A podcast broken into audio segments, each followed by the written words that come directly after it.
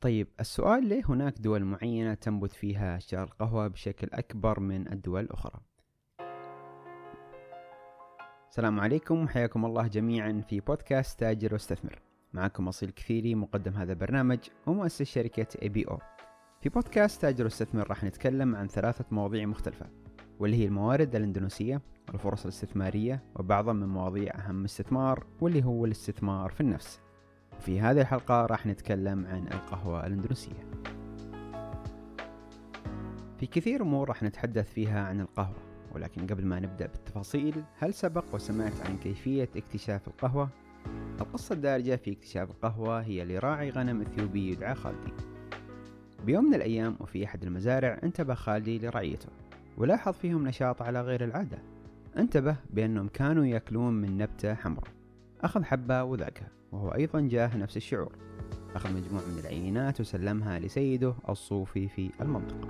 بغض النظر عن الطريقة اللي جرب الصوفي فيها القهوة لاحظ الصوفي أن هذه كانت صحصحه تعطيه تركيز أعلى في قيام الليل.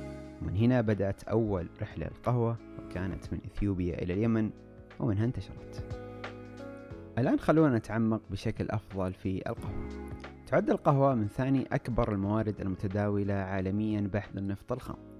وأكبر الدول المصدرة للقهوة هي البرازيل بمعدل مليونين وسبعمية طن في السنة بعدها فيتنام بحدود مليون ونص طن في السنة كولومبيا في المركز الثالث بحدود 750 ألف طن في السنة ثم إندونيسيا بمعدل 700 ألف طن في السنة وأخيرا إثيوبيا والهندروس بحدود نص مليون طن في السنة طيب السؤال ليه هناك دول معينة تنبت فيها أشجار القهوة بشكل أكبر من الدول الأخرى؟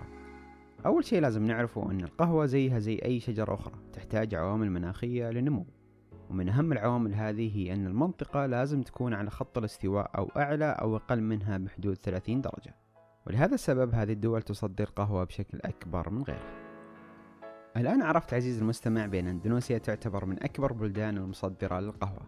فقبل ما نتكلم عنها خلوني أذكركم بأن أندونيسيا هي مجموعة جزر مختلفة.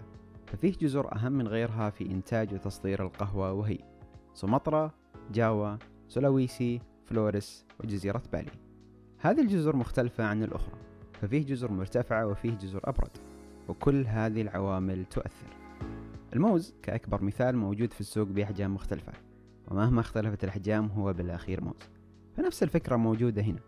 أنواع القهوة لو نتكلم بشكل عام الأرابيكا والرابوستا متواجدة ولكن ممكن تكون في اختلافات بسيطة لها على حسب المنطقة. من أغلى القهاوي في العالم هي قهوة اللواك ويوصل سعرها إلى 160 دولار للباوند الواحد وهي جدا معروفة كقهوة من إنتاج إندونيسي ولكن في أنواع أخرى مثل أرابيكا جايو والجافا بريانجر. الفترة الحالية هناك عقود كبيرة من شركات إندونيسية لتصدير قهوة الأرابيكا للسعودية. وتعد هذه القهوة أفضل جودة من قهوة الروبوستا. فأتوقع والله أعلم هي البداية لاستهلاك القهوة الإندونيسية في الأسواق الخليجية. أتمنى البودكاست البسيط هذا أفادك وإذا حسيت أنه له قيمة أو في أحد ممكن يكون مهتم أتمنى مشاركة هذا البودكاست لهم.